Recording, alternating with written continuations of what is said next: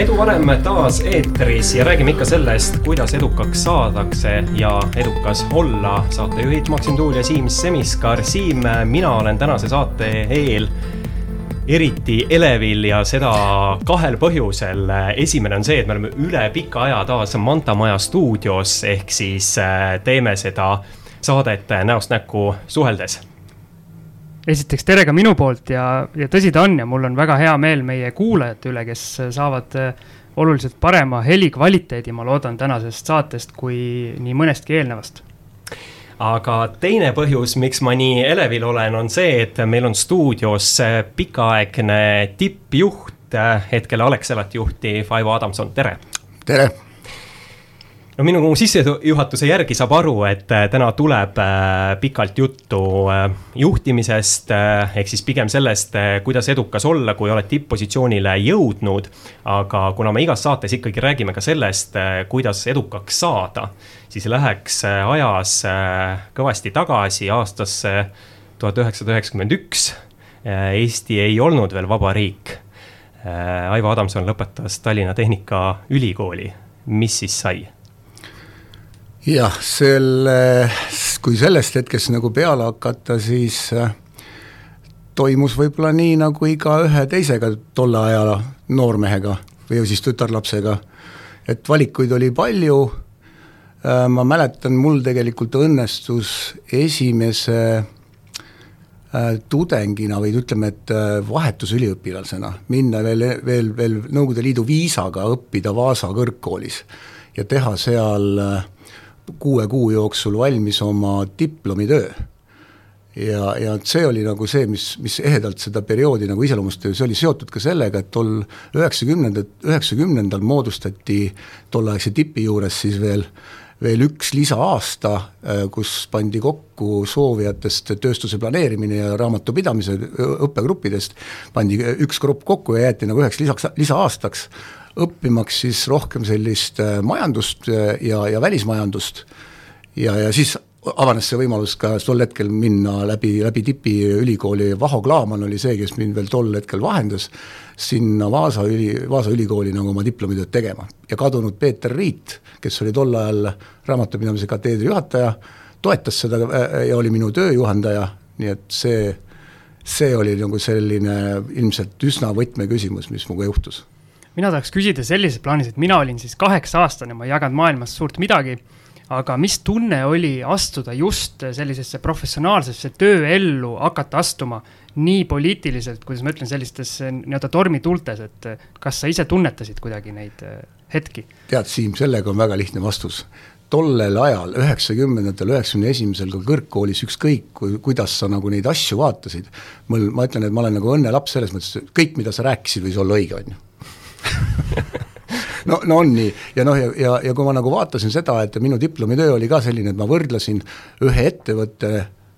raamatupidamislikult panin kokku bilansi ja kasumiaruande, siis tollel ajal kehtivate raamatupidamise nõuete järgi versus siis äh, läänes juba praktiseeritud tekkepõhine raamatupidamine versus NSV Liidus kassapõhine raamatupidamine, ehk siis need kaks asja on arusaadavad, eks ole, et tavaliselt tehinguid kas siis kajastatakse oma raamatupidamist tekkepõhiselt, et aga veel raha ei ole laekunud, eks, aga NSV Liidus oli siis, et kajastati nagu raha järgi, on ju, seda, seda raamatupidamist. ja noh, ja muidugi kõik muud ained tol hetkel olid, kõik pallid rippusid õhus, püüa ükskõik milline kinni. aga mis siis pärast seda sai või kas sellel ajal ka juba kuskil äh nii-öelda tööd praktiseerisid või, või tööle minek oli ikkagi pärast lõpetamist? tead, sellel ajal, kui ma õppisin, siis me praktiseerisin ehitustel, on ju, suveaegadel, et tegime neid musta, musti rühmi ja küll Lõuna-Eestis äh, seal sõnnikuhoidlaid ehitatud ja isegi eramaju ehitatud ja aga põhimõtteliselt äh, see, et ma lõpetasin selle, selle lisakursuse ja, ja tipi ära, mul avanes tänu kokkusattumusel ilmselt äh, Tõnis Paltsu juures tol hetkel oli Levi kontsern, selline telekommunikatsiooniteenuseid hakkav, alles arendav ja projekteeriv ettevõte oli nagu ühisettevõte Telag. ja siis mul õnnestus sinna finantsjuhiks saada, eks ole, ja, ja noh, see oli nagu esimene selline kokkupuude tegeliku reaalse tööga aga kuidas see ikkagi see just või miks kohe oli võimalus saada finantsjuhiks, et eh, kuidas sa leiad, et üldse selline juhi positsiooni saamine, et meil on käinud siin saadetes tegelikult mitmed eh, praegused eh, tippjuhid, kes noh, natukene öelnudki, et eks see juhiks saamine võibki olla teatud olukorras õnne küsimus, et on need positsioonid, on need äh, õiged teadmised ja õiged inimesed satuvad kokku. või kuidas niimoodi, et ülikooli pingist ja kohe on äh, finantsdirektor? ma arvan, et see oli tolle aja küsimus, et, et ma usun, et ega ja, ja selle finantsjuhtimise all, no ega ma ei olnud mingi finantsjuht valmis ju, ma annan selleks selgelt aru, et läksin ma sinna oma deebetit ja kreditit tegema, eks ole, et paberite peal ja, ja nii edasi, et, et see on, et pigem see kõik tuli hiljem kogemustega. Äh, aga kui sa nagu selle juhi sõna siia tood, siis äh, ausalt öeldes see tuleb ikkagi kuidagimoodi lapsepõlvest kaasa, mul, äh, vaata see on nüüd aasta kaks tuhat üks, kui ma õppisin INSEADis, see on nüüd Hansapanga aegadel, mul avanes võimalus minna INSEADi ja kursus oli emotsionaalne intelligents, mida juhtis siis selline mees, kes on ka Eestis mitu korda käinud, Manfred Kets-de-Vries ja tema on ka muide kirjutanud raamatut Õnnevalem ja ma ei tea, mis ta seal on kirjutanud, eks. et äh, aga tema ja, ja sellel kursusel, mis oli üliintensiivne, võeti meie eraelu ja professionaalne elu no põhimõtteliselt tükkideks, et me olime nagu trikoovoorus seal, et et pidime oma elust rääkima inglise keeles paar tundi ja siis su grupikaaslased, keda oli seal kakskümmend üks ja siis oli seal kaheksateist eri rahvust, on ju, siis nemad nagu tulistasid ja esitasid sulle küsimusi, miks sa nii tegid, miks sa nii tegid ja ja, ja sealt tuli, sellelt kursuselt Inseadist tuli välja niisugune Manfred Ketste-Price'i nagu näide, et mida ta tõi kogu aeg, et kuule, et aga andke hinnang oma lapsepõlves, et vaadake, et kuidas te lapsepõlves käitusite. et noh, et, et kas kas oli nii, et sa läksid nagu jalgpalli mängima siis, kui sind kutsuti või sa ise kutsusid jalgpalli mängima oma, oma mängukaaslasi, on ju ja noh, ja siis tulebki välja, et noh, et mina mäletan, et ma küll ma algatasin igasuguseid mänge seal on ju õues ja ja, ja, ja see teine oli see kaasamine kõik ja see ja, ja, ja ausalt öeldes, kui hakkadki nagu tagantjärgi mõtlema, siis seal on need mingisugused tõepõhjad all et, et, et kes on juht ja kes on järgija? ja sealt tulevad mingisugused sellised asjad kaasa, et, et jah, et ja mis, mis ei tähenda seda, et see, kui sa ka kogu aeg kaasa tuleb, et see, et sa, et, et sa, et sinust ei saa head spetsialisti on ju, või juhti või aga mis nendest inimestest saab, keda, kes ise ei kutsunud ja keda ei kutsutud ka? ei, ma arvan, et see ongi see, ma ütlengi, Siim, et see, see ei ole, et see oli lihtsalt see paralleel, kuidas mm, -hmm. kuidas sa vaatad ja tõlge, tõlge, tõlgendada võid seda, aga ega see ei tähenda, et nendest teistest ka ei saa juhte tulla, on ju. aga mida ma lihtsalt nagu oma paralleeli tõmmates, kuidas see küsimus nagu sellisena seal Inseadis lauale toodi, siis noh, seal ja seal teised olid ka juhid kõik, kes ümber laua olid ja ja täpselt samamoodi, kui nad oma lugusid rääkisid, siis see, sealt tuli välja see, et kuidagi on, on nende nagu see liidri roll on seal olemas olnud ja muidugi see, üks asi on vedamine, aga kas sa vead nagu õiges suunas, on ju, see on teine asi. see on väga huvitav, et selline koolitus kohe nagu jutuks tuli, kas seal toimus ka ütleme siis nende harjumuste või, või soonte selline murdmine, et, et kui mõni siis tänaseks päevaks justkui juht oli kunagi lapsepõlves, ütleme siis järgija tegelikult ja nüüd ta tunneb, et ka miski hoiab teda tagasi, et nüüd päris äh, lendu minna, et kas siis anti ka mingeid soovitusi, et äh, kas lihtsalt tuleks teadvustada seda, milliseid valikuid sa noorena või lapsepõlves äh, tegid või on ka võimalik mingeid samme astuda, et seda muuta, kui on soovi muuta? kui mulle anti see, see tunnistus, INSEAD-i tunnistus on ju, siis Manfred, Manfred Kets-de-Vrais ütles, et kuulge, ärge jumala eest homme midagi muutma hakake kohe, on ju. et ma tean, meil oli reunion ehk siis taaskohtumine oli aasta hiljem ja, ja nii huvitav, kui see ka pole, siis pooled olid vahetanud oma töökohta, kes oli oma eraelus teinud suuri muutusi ja no, lah-, lahutanud, abiellunud teist korda või üldse esimest korda. et see, see, see ja, ja noh, seal jälle, kui sa nagu filosofeerisime seal omavahel, siis tegelikult selle initiaadi mõju mulle tegelikult jõudis kohale alles aastal kaks tuhat kolm ja kaks tuhat neli.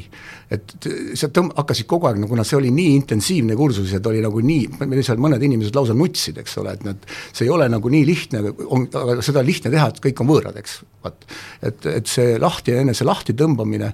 et see, see lihtsalt, või oligi see emotsionaalne intelligents, eks. et äh, ma arvan, et, ma arvan, et äh,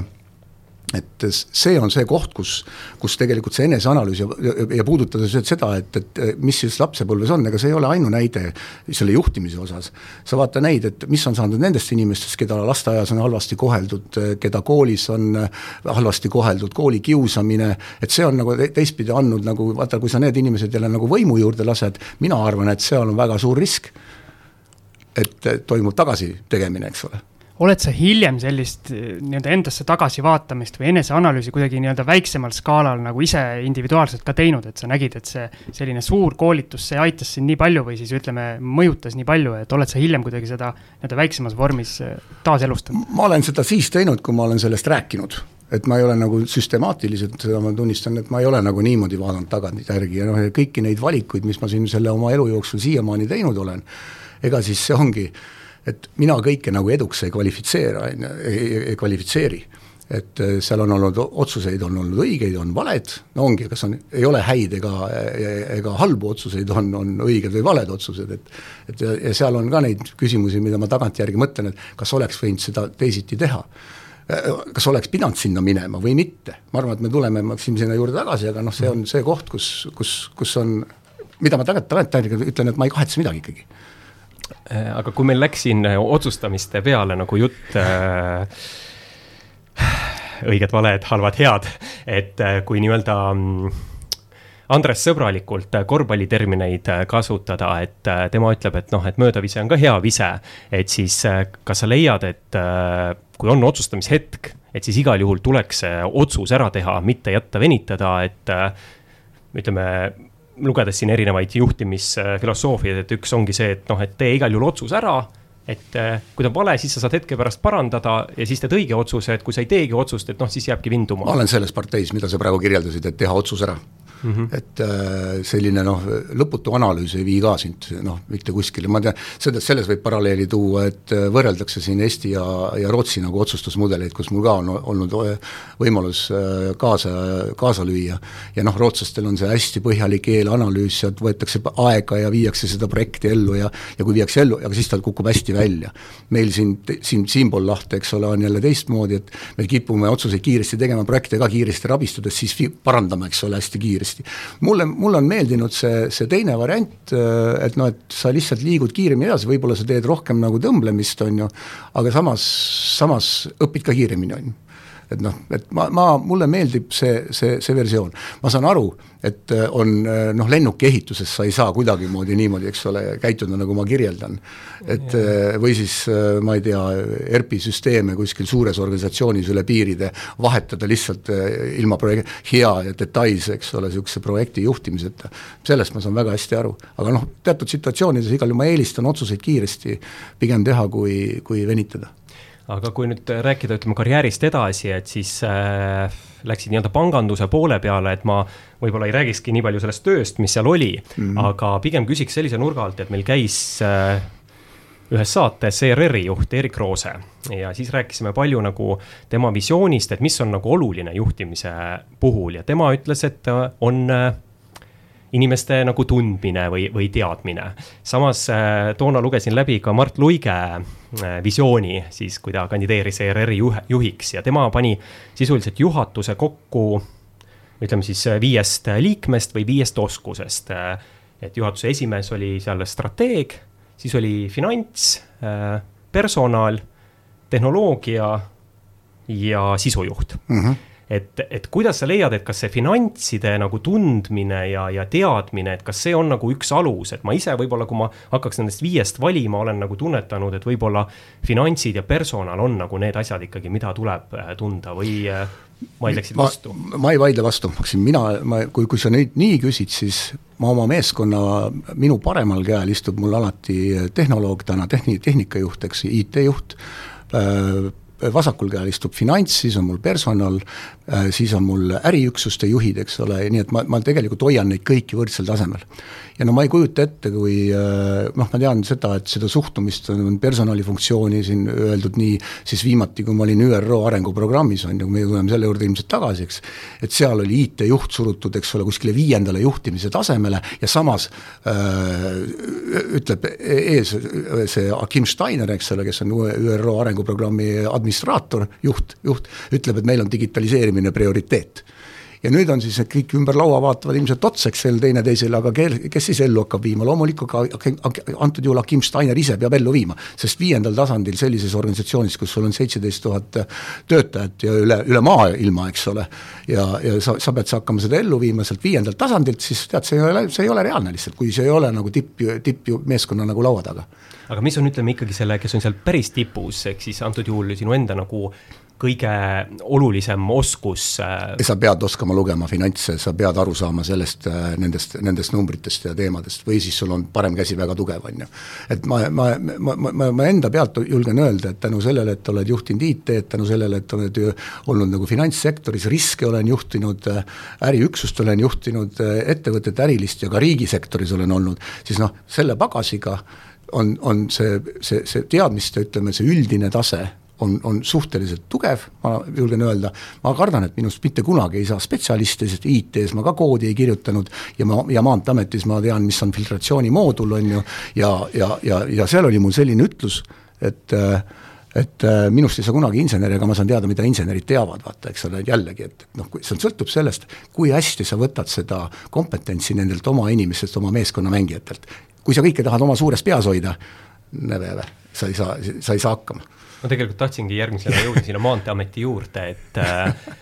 et, et enamus, ütleme, esimesed siis kõik töökohad olid tegelikult ikka finantsidega seotud. kas telekomis finantsdirektorina või panganduses, aga siis jõudsid sinna Maanteeameti peadirektoriks, et et kuidas see üldse nagu mõte tuli ja, ja, ja see minek sinna, et, et sisuliselt nagu ikkagi justkui teine valdkond, ma saan aru, et juhtimine asutuses on, ütleme, võib-olla sarnane jah, juhtimises vahet ei ole, küll aga on, ütleme, kui sa küsid, et et noh, seal ühesõnaga Swedbankis sai, mul tuli lagi ette, et vaat see tekkis niisugune tunne, et ma olen klaaspurgis, välja näen, aga midagi teha ei saa, eks ole. ja, ja, ja noh, kui sa seda nagu tunnetad, siis, siis ja midagi sul enam kellelegi anda ka ei ole, ütleme oma tiimis, ja, ja siis tuleb lahkuda. Ja selle otsuse ma tegin. Noh, Erkki Raasuk tol hetkel aitas sinna kaasa ka veel, et tule, tule, tule proovi Maanteeametit, et noh, et noh, proovi, eks ole, see on veel pehmelt öeldud. ja, ja mõtlesin, aga miks mitte, et anda korraks käia nagu noh, NSV Liidu aeg käisin kaks aastat äh, sõjaväes, on ju, no miks mitte minna korraks siin sõjaväkke, eks ole, et vaadata, käia ära ja siis tulla tagasi jälle. Aga ma arvan, et nüüd ongi õige aeg äh, teha meie esimene lühike paus ja oleme peagi tagasi. ja me jätkame Manta Maja stuudiost, meil on siin Alexela juht Aivo Adamson ja me jätkame välkküsimuste vooruga, Aivo, me esitame nüüd, või õigemini Siim esitab tosin küsimust ja vastata tuleks, no proovime poole sekundi jooksul mm. -hmm. isegi vähem, ma arvan, et siin no. Eh, on üks õige ja teine vale vastus sinu jaoks siis nii, hakkan pihta piimašokolaad või kartulikrõpsud? piimašokolaad. Elvis Presley või Robbie Williams? Robbie Williams. erasektor või riigisektor? erasektor. Urmas Ott või Marko Reikop? Urmas Ott. kas paberajaleht või veebiportaal? paberajaleht. võistlustants või korvpall? korvpall. Hiina või USA? USA. Tartu maantee või Pärnu maantee? Pärnu maantee. Eino Baskin või Tõnis Niinemets? Tõnis Niinemets kingad või sandaalid? kingad. Äh, Hiiumaa või Saaremaa? Hiiumaa. bensiin või elekter? elekter. no võtame kohe lõpust kinni, et äh, elektriautod on tulevik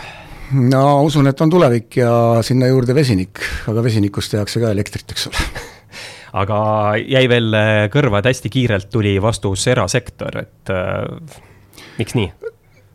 Põhjus ka, et miks ma Maanteeametist ikkagi ära tulin, et ma, ma arvan, et äh, sa tahad äh, võib-olla asju teha natuke vabamalt, kui, kui sa nagu selles piirangutes oled, eks. oled sellises nagu klaasist purgis, on ju, nagu ma enne mainisin. et pigem, äh, et sa näed asju muutumas kiiremini, arendada kiiremini, sul on vabamad käed äh, ja, ja noh, mis seal salata, ega tingimused on ka teistsugused, eks ole mina küsin siis äh, esiteks Elvis Presley ja Robbie Williams, et Robbie Williams tuli, et äh, miks? tasakaalukas selline laulja, noh kuigi oma natuurilt ilmselt ei ole, eks ole, Elvis Presley veelgi enam, aga aga mulle see, noh, seal, seal on see tasakaalukus, kus, kus, kusjuures ise ma tahan kiiresti asju teha, eks ole, võiks olla Elvis Presley, aga ma, ta, ma, mul esimene LP oli kunagi, oli Elvis Presley oma ja siis, mis eelised on Tõnis Niinemetsal Heino Baskini ees sinu jaoks? ma arvan, noorus ja värskus ja ter-, teravus, selline kaasaegsest keskkonnast on raskem võtta teravusi välja, kui vanasti oli Baskinil eelis, et seda ühiskonda sai tögada rohkem, kui on täna tögamist väärt ja Niinemets oskab seda hästi nagu tuua. ja Pärnu maantee eelised Tartu maantee ees? puhtalt juba sellepärast, et vaadata seda, mis siin on liiklustihedus ja, ja ühendav maantee Äh, lääne poole, eks ole, et äh, jäi kripeldama, et me, me tol ajal Maanteeametis noh, tegime nagu, olid prioriteedid küll teised, aga ikkagi rääkisime Tallinn-Tartu maanteest, pigem kui oleks pidanud rääkima Via Balticast. täna vist võtame peaaegu kõik küsimused äh, läbi, sest ma tahan veel küsida, et paberleht oli ka päris kindlalt veebiväljaande ees, et tellid endiselt paberlehte? mina ei telli, mul ema tellib, on ju, ja ema elab kõrvalkorteris, aga ma, ma, ma, ma ei viitsi scroll ida no väga hea vastus, aga läheme siis ikkagi nüüd äh, üldisemalt juhtimise juurde ja mul on siin nagu paar väidet, mida ma olen kuulnud äh, sinu eelmistest äh, erinevatest sõnavõttudest, intervjuudest ja nii edasi, et et ma viskan nad nagu vekslina üles, võite ümber lükata, kui, kui ei ole nii. või muutunud, jah. või on muutunud, aga, aga ma olen nagu kuskil kuulnud, et kui sa nagu lähed kuhugi asutusse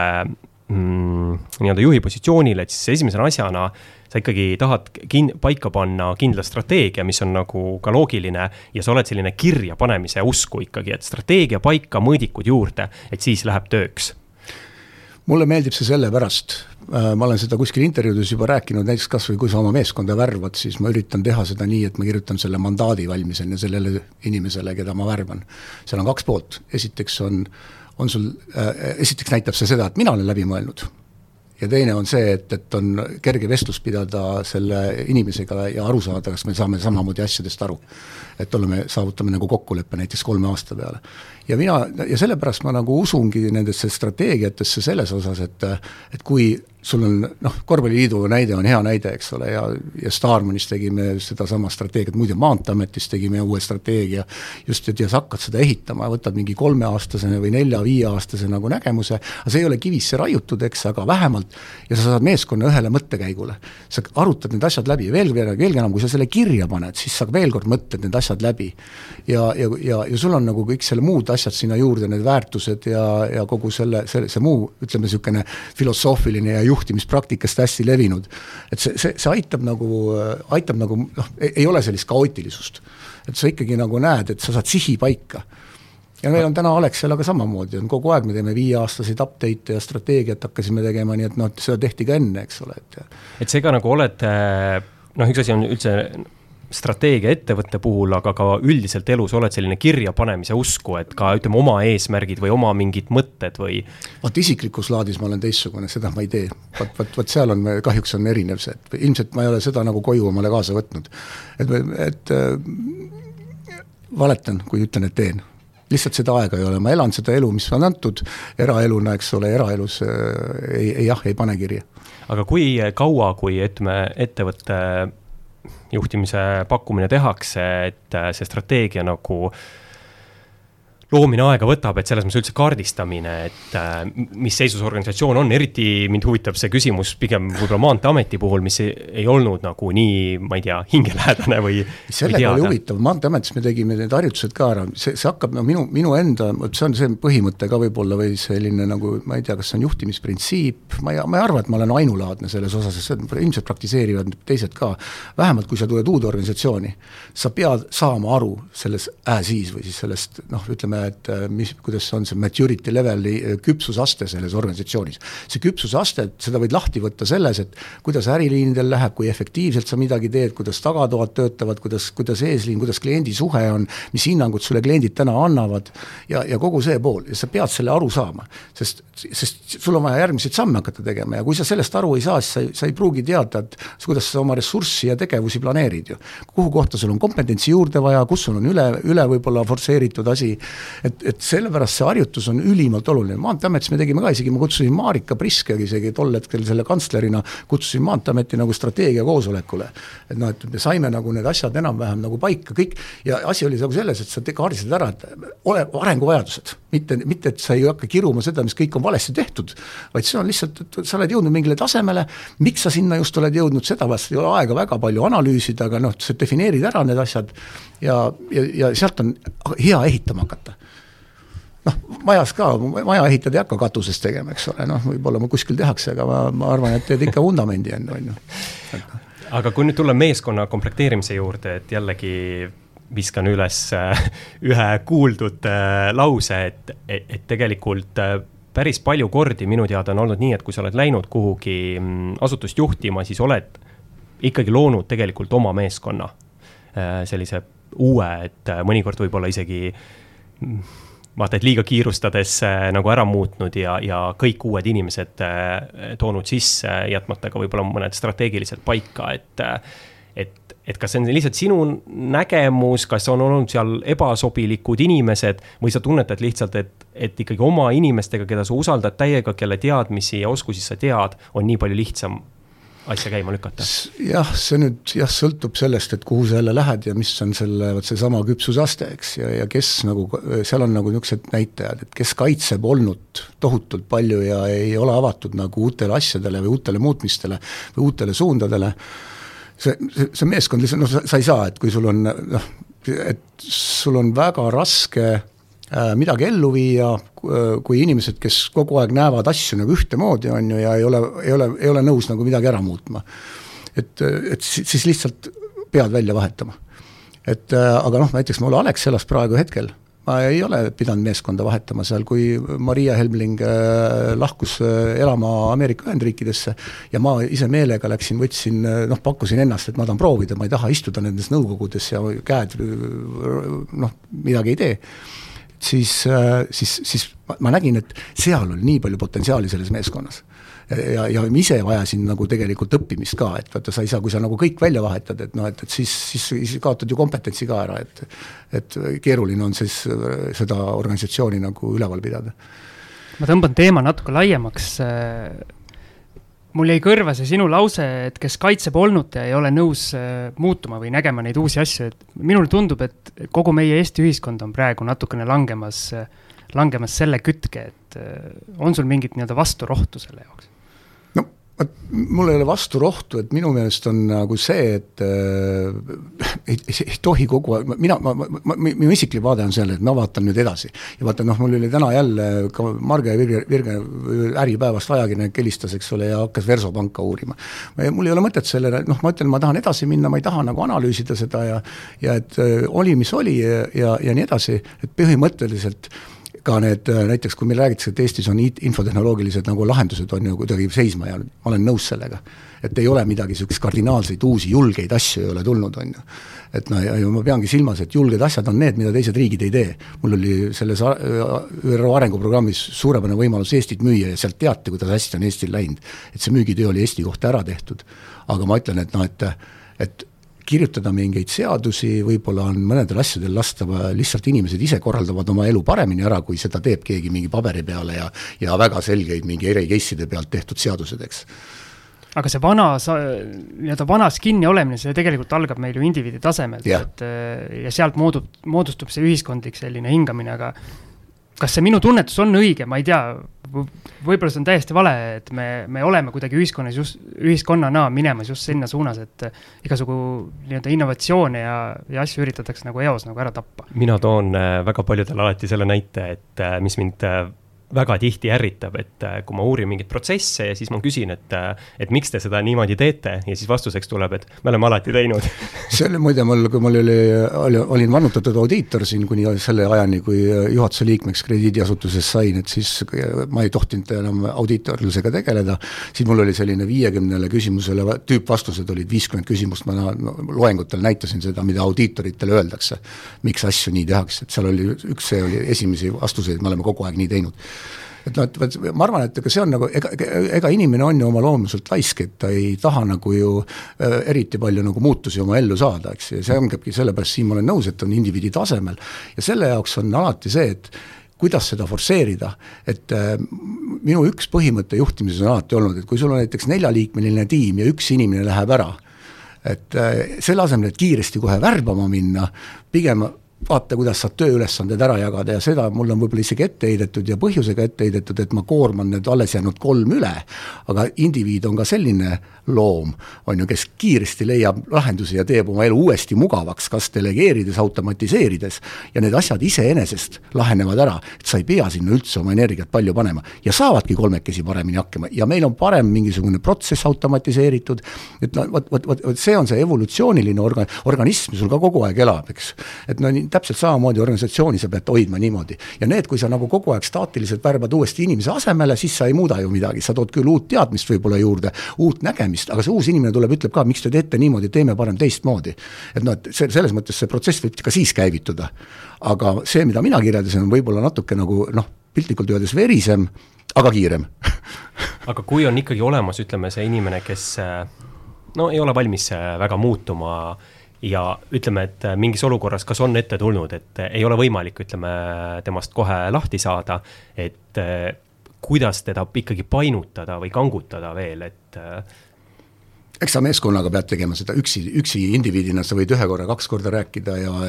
sellise filosoofilise diskussiooni pidada, võib-olla ka mõnedele faktidele seal äh, tuginedes tema tööülesannetest tulenevalt, aga põhimõtteliselt on ikkagi see, et, et kui sa nagu meeskonnana suudad nagu näidata, et et see meeskond seisab ühe asja eest ja seal üks lüli on kogu aeg see, kes nagu ei lase, sellepärast et ei ole nii võimalik ühte, üheski organisatsioonis, kus on noh, klappidega valdkonnad, eks, jällegi ütleme, lennukitööstuses see ilmselt seal toimuvad need kuidagi protsessid teistmoodi, eks, piloodi, piloot ka omamoodi käitub kindlate raamide järgi, aga, aga kui sa vaatad nagu sellist tüüpilist organisatsiooni, siis on ju kõik ju ristipidi, noh, nad on niipidi, on ju nagu vertikaalselt põimunud, on ju, kui ka horisontaalselt. ja need inimsuhted mängivad ju väga palju rolli. ja vaata, seal on veel üks asi, et võib-olla jällegi ei pea kõiki asju nagu mingitesse protseduuridesse kirjutama, aga võib-olla ongi see, see, see näiteks see kolmik või nelik või viisik teevad omavahel sellist head koostööd ja pluss veel välja, väljund ka veel nagu teistesse üksustesse panustada, on niivõrd kõva, et sa ei pea hakkama siis hakkama mingeid regulatiivseid asju sinna peale ehitama. ja ma arvan, et Eestiga on meil samamoodi,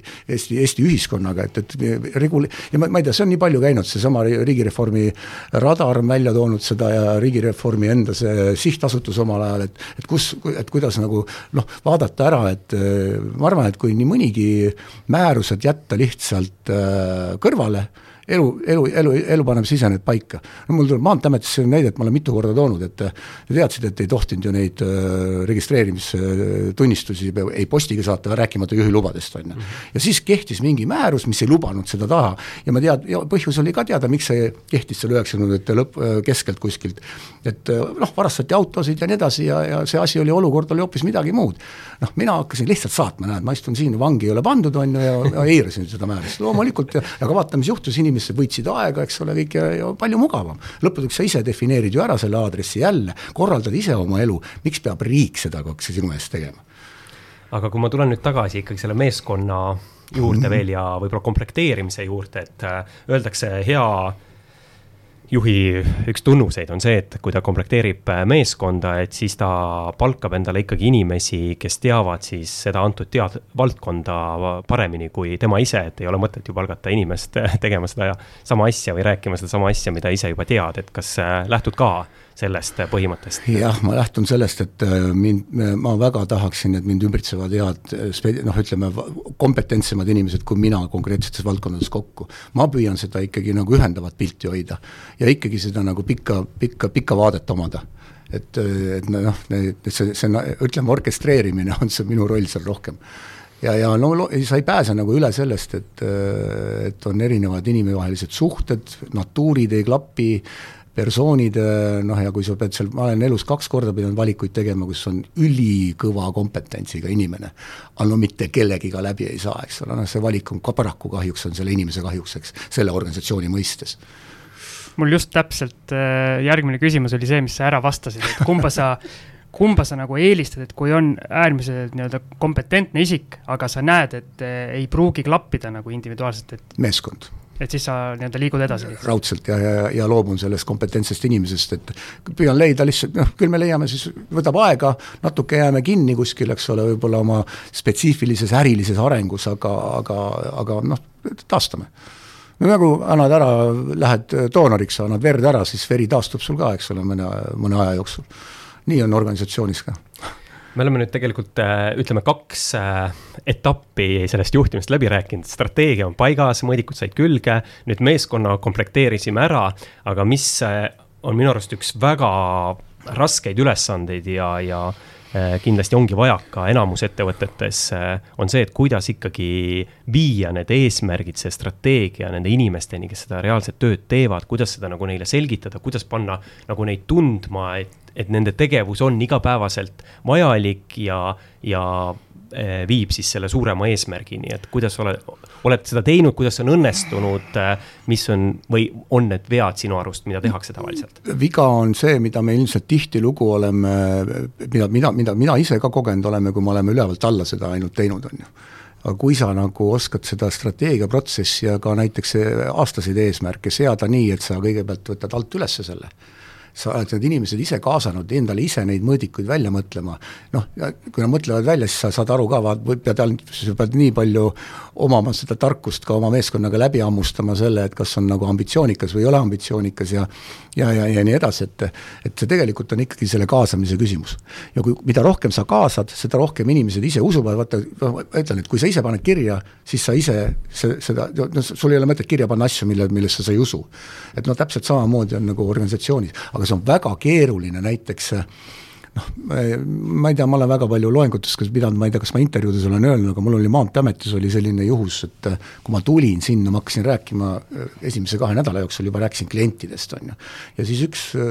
üks endiseid regiooni juhte küsis mu käest, et kuule, et sa räägid klientidest, kes need on, no vot esitab mulle sellise küsimuse. siis ma mõtlen, et meil on üks koma kolm miljonit klienti tegelikult et noh, et kelle jaoks me tegelikult eksisteerime, kelle jaoks me ehitame teid, kelle, kelle jaoks äh, on see, olgu see argisüsteem, süsteem või mis, et need on nagu inimeste jaoks, eks ole, aga need, aga see suhtumine oli seal nii pikalt sees, et ma olen riigi jaoks et vaata, no ja, ja, jube suur vahe on. et no ja, ja, ja vastates, kuidas sa nagu organisatsioonis nüüd pöörad seda attitude'i, et sa pead olema inimese poole näoga, täpselt on nii, et ja, ja, ja strateegiasse kirjutatakse sisse, klient on meile oluline, inimene on oluline. ja nii, nii hakkad sa seda organisatsiooni kogu aeg nagu, see, iga inimene peab aru saama, et lõppkokkuvõttes eksisteerib ka eraettevõtluses, ükskõik, raamatupidaja, isegi tema eksisteerib selle kliendi jaoks ja siis on nagu veel omanikud või mis iganes sinna mängu tulevad, eks. aga kuidas sa hindad, kas meil riigisektoris see vaade, nagu sa just ütlesid, et, et ei ole nagu klient, vaid ongi mingi,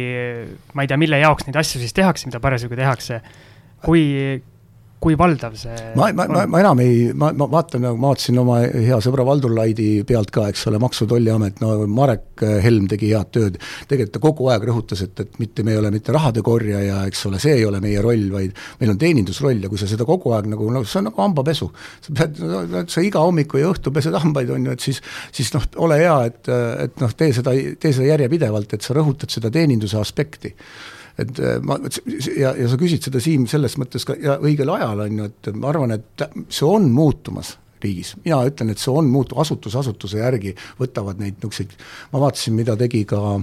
Egon Veermäe et äh, ka tema muutub, vaata noh, et kunagi oli nii, et kui laps sündis, on ju, siis sa pidid minema tegelikult mingit nime registreerima, on ju, ma ei tea, üheks, üheksas kohas pidi kuskil süsteemis läbi käima, külastama kõike perekonnaseisuametit ja nii edasi, ja noh, sa keerad selle teistpidi, teed selle inimese jaoks selle protsessi, siis muutuvad need suhted. Ma olen kogu aeg müünud ka Maanteeametis, et me eksisteerime inimeste jaoks, on ju, et noh, et, et ja, ja mis me ütlesime nagu seda, et et see, mis see kuulus deviis meil oli, et me peame kõik, kõik tegema selleks, et inimene tunneks, et ta meid kõige vähem vajaks. otseselt see oleks nagu riigiameti niisugune hea moto. aga kas see nii-öelda riigi vaade, kas see on nagu nõukaaja jäänuk? Nojah, mina arvan, et see kolmkümmend aastat on ka lühike periood või, või, või et mis, kus me siin elame, et, et mingid, mingid juured ju tulevad ometigi ja sellega tuleb lihtsalt leppida ja, ja ega, ja muide, kui sa noh, tulles nüüd, Eestis ei ole asjad üldse nii kehvad, kui sa lähed näiteks proovid sealsamas New Yorgis oma asju ajada, on ju, no see oma mingisuguse riigiga suhelda, see on hoopis midagi muud. noh, ma räägin, et seal on nii palju arenguruumi, erasektor teeb seal oma eest ju teistsuguseid edusamme, eks ole, kõikide kohta, asjade kohta näpp on ju, kõik on jõle mugavaks tehtud ja, ja kiire, aga riigiga suhtlemine on lootusetu seis, noh. Et noh, et ma räägin, et selles mõttes Eestis on ikka olukord oluliselt parem et noh, et kui keegi tahab nagu Eestit liiga palju kritiseerida, mingu käigu, proovigu elada kuskil mujal riigis, ajada seal riigiga toimetamisi, on ju, alates elamislubadest ja kõikidest muudest asjadest kokku. aga mulle tundub, et see ongi nii-öelda tänu sellele, et Eesti tegi nii-öelda restardi või sai restardi äh, siis, kui nii-öelda taasiseseisv-, taasiseseisvumine mm -hmm. oli, et me hakkasime justkui nullist neid asju ehitama aga näiteks need vanad, vanad demokraatiad on aasta-aastalt uue kihi kuskile juurde ehitatud, näiteks see USA maksusüsteem tavainimlisel täiesti lootusetu aru saada. Eestis, Eestis veel vähemalt mingi aeg tagasi oli põhimõtteliselt ühe kliki teema. lihtne näide lihtsalt, kas sul mõni pank siin Eestis äh, väljastab tšekke või? no me jätsime selle vahele, eks. meil oli tšekiraamat kunagi Hansapangas mingisugune, aga see oli sularaha arveldamiseks, eks. et, et, et noh, me jätsime vahele selle praktiliselt, algul jah, me hakkasime tšekke ka võtma, aga me jätsime selle, loobusime sellest üldse ja seda ei ole. Telefoniputkad tänaval palun, mine käi, veel on olemas täiesti teistes riikides, eks. et noh, mingid etapid nagu me oleme julgeid otsuseid teinud, telekommunikatsioonis on tehtud julgeid otsuseid, need on olnud sellised nagu edasiviivad asjad ja vaata, mis, kui, kui ma sellega nõustun, Siim, et vot selliseid märkimisväärseid hüppeid täna noh, ei ole nagu näha, on ju, et noh, et, et see, mis nagu sa võid nagu näite tuua, eks, et noh, et jätad mingi asja vahele, me hakkame lihtsalt jõudma oma arengus ka teistele järgi või, ja edu, edukamad mõnes asjas juba et, et jah, sellist märkimisväärset tiigri-tiigri hüpet on ju, ei ole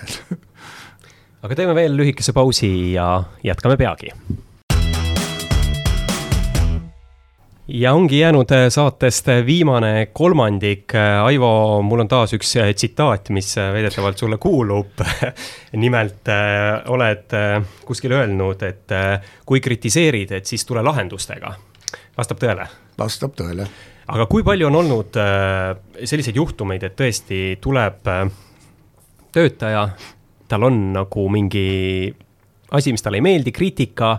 tal on ka lahendus, kuulad ära ja, ja võtad ja rakendadki? ma arvan, neid, neid on palju, mina, ma julgen nagu öelda, et äh, ma ei, võib-olla on see mu nõrkus isegi, et, et ma liiga palju võtan neid ideid kuulda aga noh, põhimõtteliselt parem võtta kuulda ja, ja, ja vähemalt vaata, juba see tegelikult on juhil üks omadus, et sa peadki võtma kuulda, isegi lolli ideed pead kuulma, selles mõttes, heas mõttes. et mine tea, seal, seal peitub alati mingi iva et mul oli täna just hommikul Andreas Laanega nagu juttu, kes on ka siin vaata hästi palju nõukogudes istub, et me oli, sattusime korraga vestlema selle teema peale, et et kui palju see kõik nagu juurde annab sulle, isegi siis, kui sa kõrval oled kusagil, mida rohkem sa nagu suhtled inimestega ja neid ideid kuuled, on ju, seda, seda parem on ja seda targemaks sa võid saada, neid hinte, jäta ainult meelde, eks. Et sellepärast äh, ma arvan, et võib-olla ma olen liiga avatud nende ideede nagu rakendada, tormad kohe lahendama, on ju, või siis öelda, et mine tee ära, jah, hea mõte, eks ole et võib-olla see on, see on võib-olla minu üks niisuguseid äh, nõrgemaid külgi, et te, tekitab võib-olla organisatsioonis selliseid tõmblemisi. et vaata noh, et kui on siht, pikaajaline siht paika pandud, aga sa kiiresti ei reageeri selle peale, et see idee ei lähe sellega kokku praegu, et meil ei ole see prioriteet. et noh, ja, ja, ja, ja ma tunnetan, et ma mõnikord siin äh, teen neid vigu et see, see, noh, vigu, kas viga või mitte viga, aga lihtsalt on juhtimine keerukam ja inimestel ebaselgem, eks ole, noh, et see, see, see võib juhtuda. et tulebki uus idee ja lähedki nii-öelda oma siis pikaajalist kaldud nagu teelt kõrvale, vaata, ma mäletan, see oli, oli see Erki, kes joonistas meile, Raasuk Erki,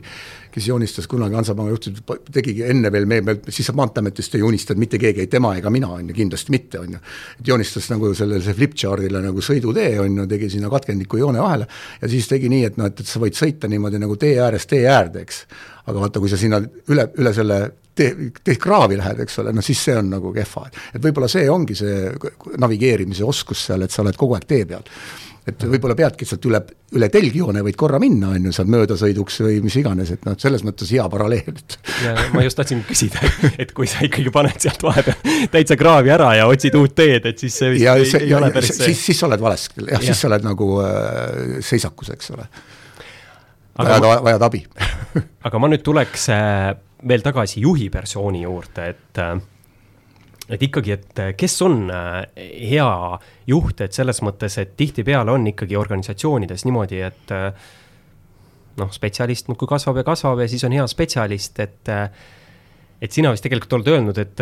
spetsialist võib saada juhiks, et selles mõttes, kui tal on seda ambitsiooni, aga ikkagi ega iga tippspetsialist kindlasti ei ole hea juht. ma pigem olen öelnud seda, et spetsialistid, tippspetsialistid peavad rohkem saama töötasu isegi kui juht jah, aga selles mõttes äh, tegelikult jällegi sa vastasid mu juba järgmise küsimuse ära, et, äh, et tihtipeale ju on niimoodi, et äh, organisatsioonides, vähemalt ütleme, väiksemates organis-, organisatsioonides nii, et tippjuht saab ikka kõige suuremat tasu. ja seal on isegi, tekibki see olukord, et kui spetsialist teab, et ta isegi ei sobi juhiks siis ta ikkagi äh, pingutab kõigest väest, et sinna positsioonile jõuda, sest äh, noh, palgatasu on märkimisväärselt kõrgem. tead, tead, mida ma ütlen, Maksim, siin on, ma olen täiesti veendunud, et ma loodan, et minu silmad ka veel näevad seda, et see tegelikult traditsiooniline juhtimine, struktuur, millest me praegu räägime, eks ole, see on ikkagi väga traditsiooniline. et äh, see hakkab muutuma ja see muutub juba sul tegelikult need hierarhiad kaovad ära, sul tegelikult kogu organisatsioon on nagu flat ja, ja tekivad noh, sellised leadership'i rollid ja ma arvan, et niisugusesse kastidesse joonistamine, mida on täna väga personalil vaja, mida väga võib-olla on sul isegi finantsarvestuslikult tarvis, kui sa seal oma sisekulusid nagu arvestad, aga selline, et, et, et see keskendub ikkagi rohkem sellele nagu kliendi poole peale ja, ja andmete peale, et noh, andmed muutuvad organisatsioonis nii oluliseks, et see tegelikult see traditsiooniline organisatsioon hakkab muutuma. et ma, ma, ma ei tea veel, kuidas või ma, ma noh, ma püüan siin olla visionäär, aga ma ei ole see õige inimene kindlasti seda nagu kirjeldama, aga ma arvan, et, et ikkagi need noh, ma, olen ise ka näinud seda, et tihti juhid tulevad ja hakkavad kõigepealt joonistavad sulle kastikesed on ju, ja kõigepealt joonistab iseennast on ju, sealt ülevalt ja siis tõmbab joone ja siis, siis, siis hakkab teisi joonistama, eks. et noh, et ja vot, et ma arvan, et selline, selline juhtimiskultuur hakkab muutuma seda küll, aga selles mõttes, et on ju vaja ikkagi, et oleks seal ka, ma ei tea, kas tipus, aga noh, üks, kes asja nagu veab ja otsustab, et äh, muidu ongi nii, et finants. orkester, võta orkester näiteks. jah, et siis ongi, et. Äh, dirigent on ees, on ju. finantsjuht muidu ütleb, et rahaliselt ei ole hea, siis ma ei tea, haldusjuht ütleb, et tegelikult peaks just nii tegema ja ei, ikka, ikka, sa, sa, sa pead oskama seda ikkagi panema mängima, ma ei kujuta ette, kui orkestris äh, igaüks mängib oma nooti oma pilliga mm, omas suunas, on ju. või, või korvpallis, et äh, et ma ei kujuta ette, kui sul nagu mingisugustki distsipliini ei peeta seal, on ju, et noh, mingid kokkulepped ei pea või või, või veel hullem, kui ma toon selle korvpalli näite, et kui sul oleks kõik tagamängijad, on ju et äh, noh, see, no ma küsin nüüd, et see, kui sa nüüd ju, ju selle meeskonna, ma korra jätsin ütlemata, et see meeskond peab koosnemagi erinevatest natuuridest. et äh, nii nagu, nii nagu ma vaatan ka jalgpallis, korvpallis, sul on olemas rollid, on ju, sul on väravaht, sul on kaitsemängija, poolkaitsja, korvpallis keskmängija, ääremängija, ja sul on täpselt samamoodi juhtimises on erinevad rollid, ma ei räägi nendest finantsist, personalist, aga tüüp, inimtüüpidest, on ju. kas olete ise ka nagu värbamisel seda jälginud, et äh, ma ise olen äh, mõtisklenud äh, viimasel ajal palju selle üle ka, et just, et need, et pea, et peakski olema sellised noh, ütleme siis üks on analüüsivam, teine on võib-olla kiirem tegutseja, üks on elukogenum, et natuke vane, vanem, teine noorem, no oleneb muidugi, see sõltub palju ka sellest, mis sektoris sa tegutsed, et kes su kliendid on, et sa peaksid, no pead nagu erinevaid põlvkondi ka nagu tunnetama, et nagu ma võin ju öelda, et, et oma arust olen targem, et tean, mida noored tahavad ja mida vanemad, aga, aga tegelikult ju nii ei ole. oi-oi, mul on see, need on need kohad, kus äh, on, on sul nagu jah, vastus sulle, lühike vastus oleks, et ma ei ole alati seda jälginud ja see on viga teine on see, et, et äh, ma olen oma elus kogenud seda kindlasti, kus meil natuurid, ei minul isegi näiteks oma tiimiliikmega ei klapi, aga ta on nii hea vend, on ju, ta teistega teeb ka head tööd. aga minuga ei ole seda, on ju, ja ma ei salli tema mind, on ju, ütleme seda ja mina, mul on temaga probleemid, eks, et no olen seda kogenud, aga noh, ega sellest ei ole edu tule, ettevõttel edu ei ole tulemata jäänud, on ju. võib-olla see edu oleks võinud suurem olla, kui oleks mingisugune parem klapp olnud, aga ütleme, et iseloomujooned, mõnikord on nii, kaks inimest ei mahu ühte tuppa ära, eks ole, et nad lihtsalt ei taha olla. sa ei saa olla selle inimesega ühes toas. ja no oleme ausad, selliseid situatsioone on, noh ega abiellutakse ka armastuse nimel, on ju, et noh, et et ma ei, ma ei saa nagu öelda, et et sul kõik, kõiki see situatsioonid on ühesugused, et sa pead, tihtilugu on selline koht, kus sa pead aktsepteerima seda, et, et su tiimis võib olla ka liikmed, kes omavahel nagu läbi ei saa, aga nad, aga üldises pildis rollid on täidetud, eks. aga ühes ruumis, ütleme inimlikus mõistes raske Maksim räägib siin juhtimise, juhtimises kogu aeg sellest otsustamise poolest. mina tooks sisse sellise asja nagu vastutus. kui palju sina tippjuhina tunned seda, et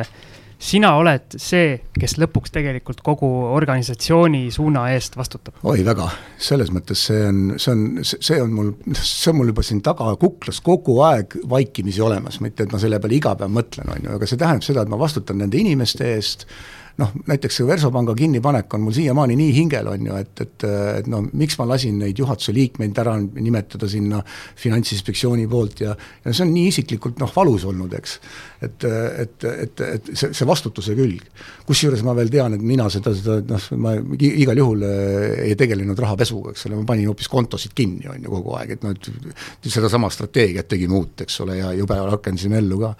et nad ja, ja see vastutus on kogu aeg, noh, sul on omanike ees vastutus, sul on nagu sotsiaalne vastutus nagu see, mis ettevõtted, nagu see Alexela on täna sotsiaalselt väga palju vastutav, eks, ma mõtlen isegi grupina, et noh, sa oled üldsuse tähelepanu all ja mul on see kogu aeg sees ja sealt hakkavad tegelikult järgmised juhtimisprintsiibid. sa ei pea olema spetsialist, sa ei pea olema nagu seda valdkonda konkreetselt nii põhjalikult tunda, aga kui sul on olemas sellised, sa oled aus, avatud, räägid asjadest nii, nagu on ja ei kirjuta asju sinna paberile teistele näitamaks, nii nagu sa tegelikult ei mõtle või siis nii, nagu sa ei tee. ja kui sul need omadused on olemas, mina arvan, et selleks sobib iga inimene sellisel juhul ka juhiks, on ju, et kui tal on vähegi nagu tõmbamise roll olemas. väga hea et..., Maks, sul on ka võimalus aitäh, Siim, ma saan aru, et sa siis hindad, et mul on need äh, omadused, oskused. aga ma tegelikult äh, tahakski veel tulla tagasi ikkagi, et äh, me rääkisime nüüd, et seal meeskonnas peavad olema siis äh, erinevad äh, oskused, iseloomud selles mõttes, aga, aga mis see ikkagi selle nüüd tippjuhi iseloom ikkagi peab olema, noh, nüüd sa nimetasid ka no, viis, aga, aga, aga kui, kui me täna nüüd kuulajatele peaksime ütlema, et äh, on keegi, kes äh, pürgib edasi, et siis mis oskusi, võib-olla mitte, et ta ei pürgi otseselt tippjuhiks, aga ta sa tahab saada nagu ikkagi omal alal äh, selles mõttes parimaks. et see, et ta mingit mingi erialaoskusi peab arendama, see on selge, aga. ma siin segan Maksimi korra, ta tegelikult tahab lühidalt küsida, et mis on edu valem jah, täpselt. tead, selle, mulle, ma juhtusin kuulama Raul Rebasega intervjuud just, minu meelest nad rääkisid, kas nad rääkisid äh, odav, kergejõus-, kergejõustiku ühest treenerist, mul ei tule see nimi meelde, aga ta ütles seal selle kohta edu suhtes niimoodi, ta ütles nii, et et ebaedu äh, on kergem üle, ebaedust on kergem üle saada, kui äh, olla edukas kogu aeg, on ju. Ja no ja see, see, mulle väga meeldib see, et, et siin ei ole valemit, eks ole, seda ilmselt on öelnud sulle kõik, et valemit ei ole, aga seal on teatud asjad, mis, äh, mis, mis, mis, mis võivad sind sinna viia no näiteks isegi see, kui Versobangalt litsents ära võeti, on ju, siis see sündmusena on negatiivne, aga ta ei oleks mul, aga, aga kust ma oleksin siis sel juhul ÜRO arenguprogrammi ukse endale avada saanud, on ju et, et, et, et, et vaadata nagu neid, neid asju niimoodi, et see ei olnud mingisugune kingitus. või siis Starman võeti nagu müüdi maha, eks täpselt kogu meeskond vahetati välja, Elisa tuli, astus sisse, võttis kõike, kõik nii, nagu peabki olema, klassika, eks ole. et jällegi võiks vaadata, et pagan küll, mis juhtus, on ju, jälle puutusid valet asja, näed, läks põlema, on ju. et äh, aga, aga teisest küljest jälle, et ma tean seda, et noh, Starmanis me tegime, mina arvan siiamaani, et me tegime õigeid asju, ja, ja noh, kliendibaas kasvas lõpuks ja, ja Leedus osteti mitmeid ettevõtteid, nelja, neli ettevõtet jõudsime juurde osta seal võrku, eks ole, ja noh, sa näed neid asju, kunagi isegi edu valem jälle, kui sa, kui mäletan, et kui me Hansapangaga Leetu läksime ja, ja mul oli ka selline grupiülene funktsioon kogu aeg. ja kui sa kõndisid mööda Vilniuse tänavat ja nägid Hansapanka see ATM-i, noh, sa tundsid uhkust, on ju, et näed sa, jess, me olime siin ära teinud. et, et, et, et kui ma noh, seda, seda, see, see, see, ausus, avatus julgeda tunnistada nagu niisugust ebaedu ja sellest nagu mööda vaadata ja kohe edasi minna, mitte pikali kukkuda, on ju, mitte kaua halada, et, et noh, mitte raisata energiat nagu sellise vale, noh, ütleme niisuguse mineviku analüüsile, vaid kogu aeg nagu olla nagu noh, ja, ja ajaga kaasas käia. ja mitte nagu nendest, needsamad innovatiivsed lahendused ja, ja uued nagu juhtimismeetodid, sa pead kogu aeg midagi uut proovima, kogu aeg. ja kui sa midagi uut kogu aeg proovid, siis sa, siis sa tegelikult ei jäägi seisma. ja see on minu meelest, minu meelest on see nagu see edu valemi mitmekülgsed osad, on ju. selline pidev areng. pidev areng, jah ja vaata noh, nagu ma vaatan iseennast jälle, minu enda arusaam minu enda elust, et ma ei kahetse mitte ühtegi otsust, kui ma olen käinud panganduses, riigis, IT-d juhtinud, riske juhtinud, mis on pistmist Maanteeametil või teedeehitus, eks ole, kõik see juurde, et noh, et, et vaatad, et noh, et see, see, see on ju jube lahe et noh, et omada sellist pagast, no ma arvan, et see on, see on jube lahe aga kui siin lõpetuseks ühte tahku ikkagi veel puudutada, et või isegi kahte tegelikult, et mul on siis kaks lõpuküsimust, et kuidas kui tähtsaks sa hindad juhtimise juures ikkagi julgust, et meil oli siin Sportlandi eksjuht Gerd Kiili eelmises saates, et tema kogu aeg tõi välja, et juhtimine, juhid, juht peab olema julge, et tal peavad olema äh, no vaata, ma istun ka siin täna teie juures äh, ja, ja mäletan, et noh, paljude minu enda tiimi endiste liikmetega erinevatest organisatsioonidest oli alati, ma ei, ma ei taha olla avalikkuse ees ja nii edasi. juba see on ainuüksi julgus, et sa tuled ja, ja räägid neist asjadest, mitte sellepärast, et sa väga tahad edev olla.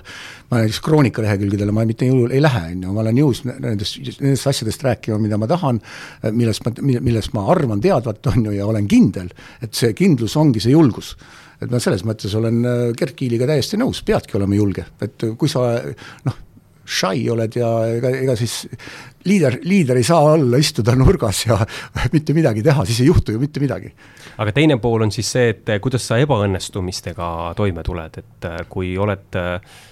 ma ei tea, teinud vale valiku personali osas, teinud vale valiku strateegia osas, üldse mingi vale otsuse, ma ei tea, millest lähtuvalt, et et kui kaua või kuidas sa sellest üle saad? eks ta sisemiselt ikka teeb niisugust noh, ma, ma üt, üt, ütlen, et näiliselt võis olla selle Versopangaga ju nii, vaatate mulle otsa, nagu pole midagi juhtunud, eks ole. aga eks sa sisemiselt ikka nagu põled natukene ja noh, peab ise endaga toime tulema, ega ma, ma, seda, seda ma tahangi rõhutada, pikali ei tohi kukkuda. jääd ikkagi jalgadega maa peale, jääd püsti, on ju, lähed edasi, et, et ega, ega, ega midagi muud ei ole ma ei tea, äh, korvpallis ka, eks ole, kui sa saad noh, saad viiekümnese paki, on ju, on üks asi, sa kaotad ühe punktiga ai, ai, ai, ai ja seda põed nagu rohkem, on ju, kui seda viiekümnest, eks. seda küll, aga ma arvan, et äh, nüüd ongi õige aeg meie jutuajamine kokku tõmmata ja aitäh, Aivo, stuudiosse tulemast! jah, palun, aitäh! Ja kuulajad, otsige meid ikka üles rahajutud.ee portaalis ja ootame endiselt ka kuulajate kirju aadressil info, et rahajutud.ee. ja loodame, et kuskilt mingit uut viirust meil ei tule, et saame ka järgmine kord lindistada ikkagi stuudios. kohtumiseni. kohtumiseni